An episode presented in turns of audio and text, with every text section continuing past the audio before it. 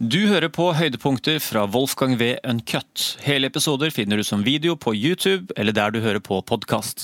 Litt rett i, altså, Da forlater vi egentlig Economist i dette kapitlet her, og går mer over på liberalismens eh, tilbakeblikk på historien og, og utviklingen til liberalismen. gjennom, eh, Og at det her er det som utspiller seg på 2000-tallet, eller den liberalismekrisen som jernburet handler om, den har skjedd en gang før. Nettopp. Eh, fordi det er to måter å se liberalismens historie på. Det har den du lærte på skolen, der eh, en seiersgang som starter med avviklingen av kornlovene i, i, Storbritannia i 1846, bare fører til en tiltagende bølge av, eh, av, liberal tenkning som gradvis brer om seg og til slutt dekker hele Europa. Eh, og så er vi i 2021, allting er bra. Mens Carl Emil Sjorske, som er en av disse store eh, tysk-amerikanske akademikerne har skrevet et essay, og det er ganske sjelden at et enkelt essay er hovedverket til en professor ved et amerikansk eliteuniversitet, men det er det i tilfellet med, med Sjorske. Han skriver om Wiens og her kan ikke jeg uttale det på fransk, fin de siecle, eh, altså da Wiens århundreskifte. For han ønsker å forklare hvordan Wien eh, springer opp til å bli den mest liberale byen i Europa. Eh, liksom Habsburg-Wien er jo noe som intellektuelle aldri får nok av. Eh, det mest tolerante, mest kreative, mest vitenskapsvennlige stedet i hele Europa. Men også det stedet som fostrer Adolf Hitler. Hvordan er dette mulig? Mm. Eh, og Sjorske forteller en helt annen historie. Han forteller en historie om en ideologi som blaffer ut to ganger. Altså som vokser seg frem og blir dominerende fram mot slutten av 1800-tallet, for så å kollapse i første verdenskrig, og som da blir, eh, blir lagt på hyllen, og så blir plukket ut igjen da nasjonalismen er på glattcelle og sosialismen eh, er, er, er, diskreditert etter den kalde krigen. Eh, som det naturlige alternativet. Og man får en ny liberal gullalder gjennom 1990-tallet. Og igjen så skjer det samme. Eh, at liberalismen eh, slipper fri krefter i samfunnet som river liberalismen i filler. Og det er det dette essayet handler om. Hvordan de intellektuelle vender seg mot, uh, mot liberalismen. For du tenker at Intellektuelle må da være tilhengere av religionsfrihet og, og, og, og ytringsfrihet og, trykkefrihet og, markedet og alt det som elsker frihet. Men ved inngangen til 1900-tallet i Wien så får man en oppblomstring av radikalisme. Eh, og han bruker tre, eh, tre eksempler, kanskje mennesker man de fleste ikke har hørt om. Carl Luger, eh, Georg von Schönrør og Theodor Herzl. Theodor Herzl er mannen som kommer opp med tanken om Israel. Altså at jødene, som da på dette tidspunktet lever spredt for alle vinder, veldig mange av dem bor og lever i Europa, må ha et hjemland. De må tilbake til, til, til Bibelens, uh, Bibelens, Israel. Uh, og han innstifter da denne sionismen, som er, som er israelsk nasjonalisme. En, en, tanke om en, en, en slags sånn kvasisosialistisk paradis der, der, folk lever på kibbutzer og yter etter evne og nyter etter behov. Eh, Karl Luger og Georg von Schönrer blir pådrivere for en stadig mer utagerende antisemittisme. Eh, der eh, kapitalisme eller der, der, liberalisme blir et, et, annet ord for kapitalisme, og kapitalisme blir et annet ord for jøde. Og den antisemittismen som, som brer om seg, der man Eh, ser et Wien i rask vekst på slutten av 1800-tallet. Suger til seg svært mange nye borgere, og veldig mange jøder fra stettlene rundt omkring i det habsburgske riket søker seg til Wien. Eh, og, eh, og finner sine nisjer.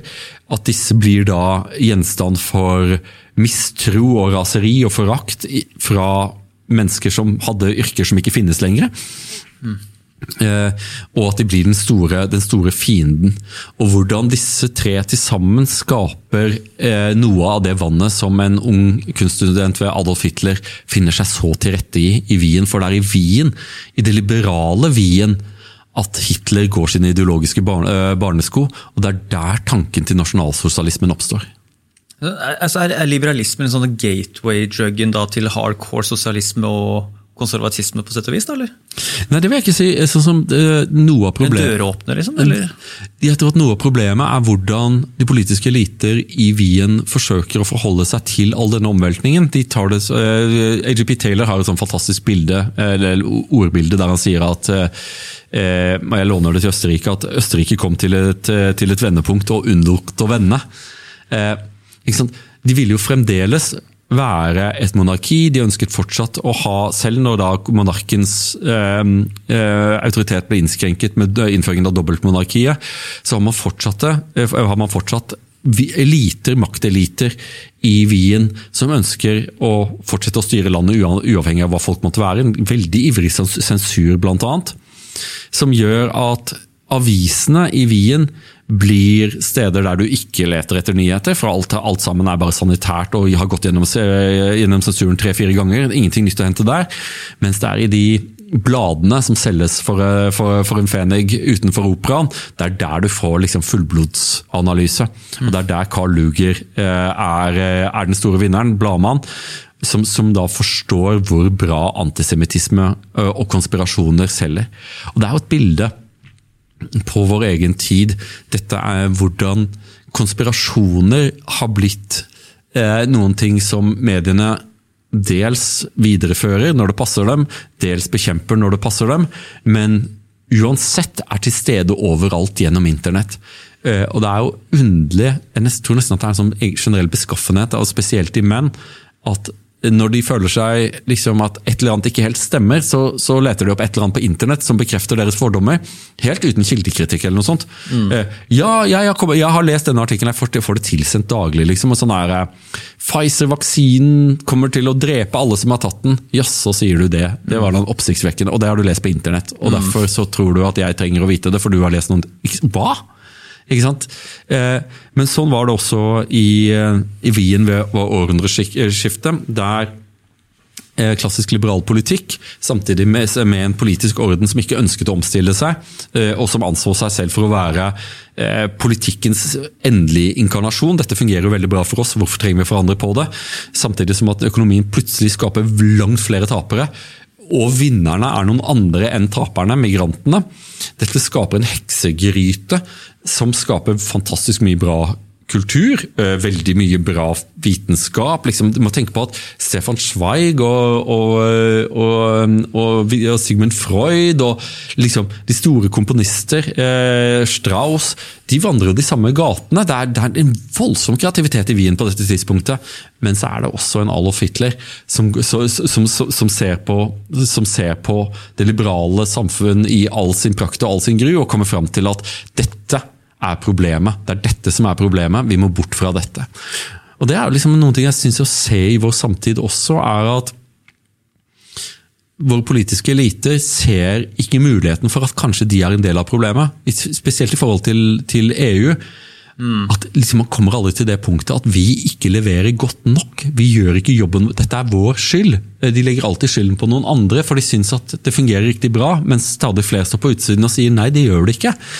Og hvordan mediene gjennom selvsensur og faktisk sensur har blitt et ganske sånn sanitært sted der en del nyheter kommer du aldri til å lese i avisene. Det får folk til å lete på etter nyheter andre steder, og der finner de også konspirasjoner som de slutter seg til helt ukritisk, på tross av all utdannelse og annet. ikke sant? Mm. Og det har gjort Europa til, i 2021 til et langt mer ustabilt sted enn det det var ved inngangen til liberalismens gullalder med slutten på den kalde krigen. Mm. Det tok ikke mer enn 30 år med ganske tøylesløs liberalisme før liberalismen nok en gang, på samme måte som Karl Emil Sjorske beskriver ved slutten av 1800-tallet, har, har vekket motkrefter som den sliter med å beseire. Er det det han filosofen Hans Skjerveim også er inne på? da han, han, skrev i 1968 at liberalismen hadde en iboende autoritær tendens. Hva, hva, mente han egentlig med det? Skjerveim er jo, er jo en av de sånn virkelig interessante norske filosofene. Kom fra, kom fra Voss. Eh, satt mye nede i München og drakk, har jeg av. Det han påpeker i dette sitatet, er at sant, når liberalismen tar og stjeler den største juvelen av dem alle og hevder at det er en universell, det er, eh, det er en universell ideologi. Altså da at alle eh, verdens folkeslag kan, vil, bør og skal bli liberale. og At, er, eh, at, at liberalismen er historiens sluttpunkt, på sett og vis. Det er veldig vulgært sagt, men det er, men det er grunntanken. Så ender man i en situasjon der man tar og definerer prima facie politikk og standpunkter som ikke passer innenfor deres forklaringsrammer som eh, illiberale eh, og feil og umoralske ofte. Mm. Og Dette bidrar til å forklare liksom hvor, hvor, merkelig Europas reise gjennom 20 tenårene har vært. Vi gikk fra å være at Natos fremtid skulle avgjøres i Afghanistan. Vel, Det glemte vi ganske fort når vi så hvordan det gikk i Afghanistan. Vel, Euroen måtte vernes for enhver pris. Vel, prisen var stagnasjon, og denne stagnasjonen er i ferd med å bli et kjempeproblem for EU. Mm. Eh, grensene måtte være åpne, for det var en europeisk verdi, og Europa var et sted som ikke var resten av kristenheten. Det var et verdifellesskap forent av europeiske verdier, og man definerte da europeiske verdier som åpne grenser. Men så bygget man alle gjerdene og stanset flyktningkrisen på gamlemåten, sånn som Ungarn foreslo. Eh, og mobiliserte Polens hær til, til, å stå vakt på grensen mot øst. Eh, og igjen så blir det vanskelig å forstå, for, forstå, hvordan dette passet med de europeiske verdiene. Det virker som at det er en ganske sånn at, at, man, at, at man har eliter som står for noen ting som er upopulært, helt til det ikke går lenger, og så bare snur de seg og sier at vi, vi, uten å erkjenne at de har endret mening en gang, så gjennomfører de et stikk motsatte politikken. Og Det er nok noe av problemet med den liberale orden i Europa i dag, er at dens forsvarere utgjøres i stadig økende grad utelukkende av eliter. Altså folk som er investert i dette systemet. og Det er jo ikke så veldig rart. Liksom, hvis du levde i teokrati ville, og du var prest, så sannsynligvis ville du mene at teokrati var en forbanna god idé. Mm. Eh, man mistet noe av trangen til å forklare seg for velgerne pga. universalisme. Altså at man, eh, mitt perspektiv var at sosialismen gikk samme feilen. si at vi, vår våre løsninger er de beste, uansett. Eh, og på det tidspunktet, eh, Gjennom det så fikk man en slags form for illiberal liberalisme, som er det Skjermheim peker mot. altså at Liberaler kan være forbløffende intolerante mot folk som ikke har samme meninger som dem selv. Mm. Altså det er, svært, det er, høyt under taket, eh, men det er bare for de som mener det samme som meg. Og Det er jo det vi har snakket om i forhold til universitetet og i forhold til mediene. At så lenge restgruppen av folk som ikke føler seg representert er tilstrekkelig liten, så har det ingenting å si. Det vil alltid være raringer som mener rare ting.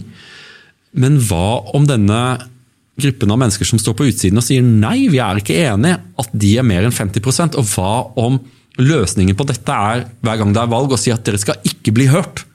Hvis dere stemte på høyrepopulistiske, så kommer vi til å, vi kommer til danne en hvilken som helst Frankenstein-koalisjon av partier som ikke hører sammen og som ikke har lovet det samme, bare for å hindre dere innflytelse. Mm.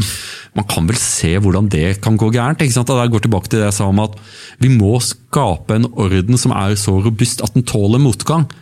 Jeg vet ikke hvor mye mer motgang Europa tåler nå. De kan beskrive på lederplass for tre-fire uker siden, så påpekte de dette at Europa, EU, roter til eurokrisen. De roter til eh, eh, responsen på flyktningkrisen, og de roter til responsen på vaksiner i forbindelse med pandemien.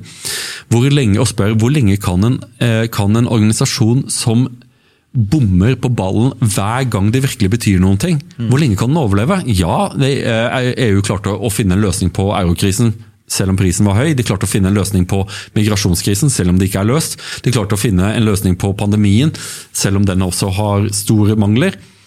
Men hvor lenge kan man fortsette å tryne framover, sånn som EU holder på?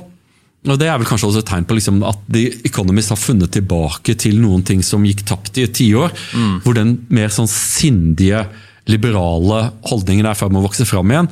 En sindig liberalisme som kommer ut av en forståelse av at seieren ikke endelig er vunnet, og at motkreftene har blitt veldig sterke nå.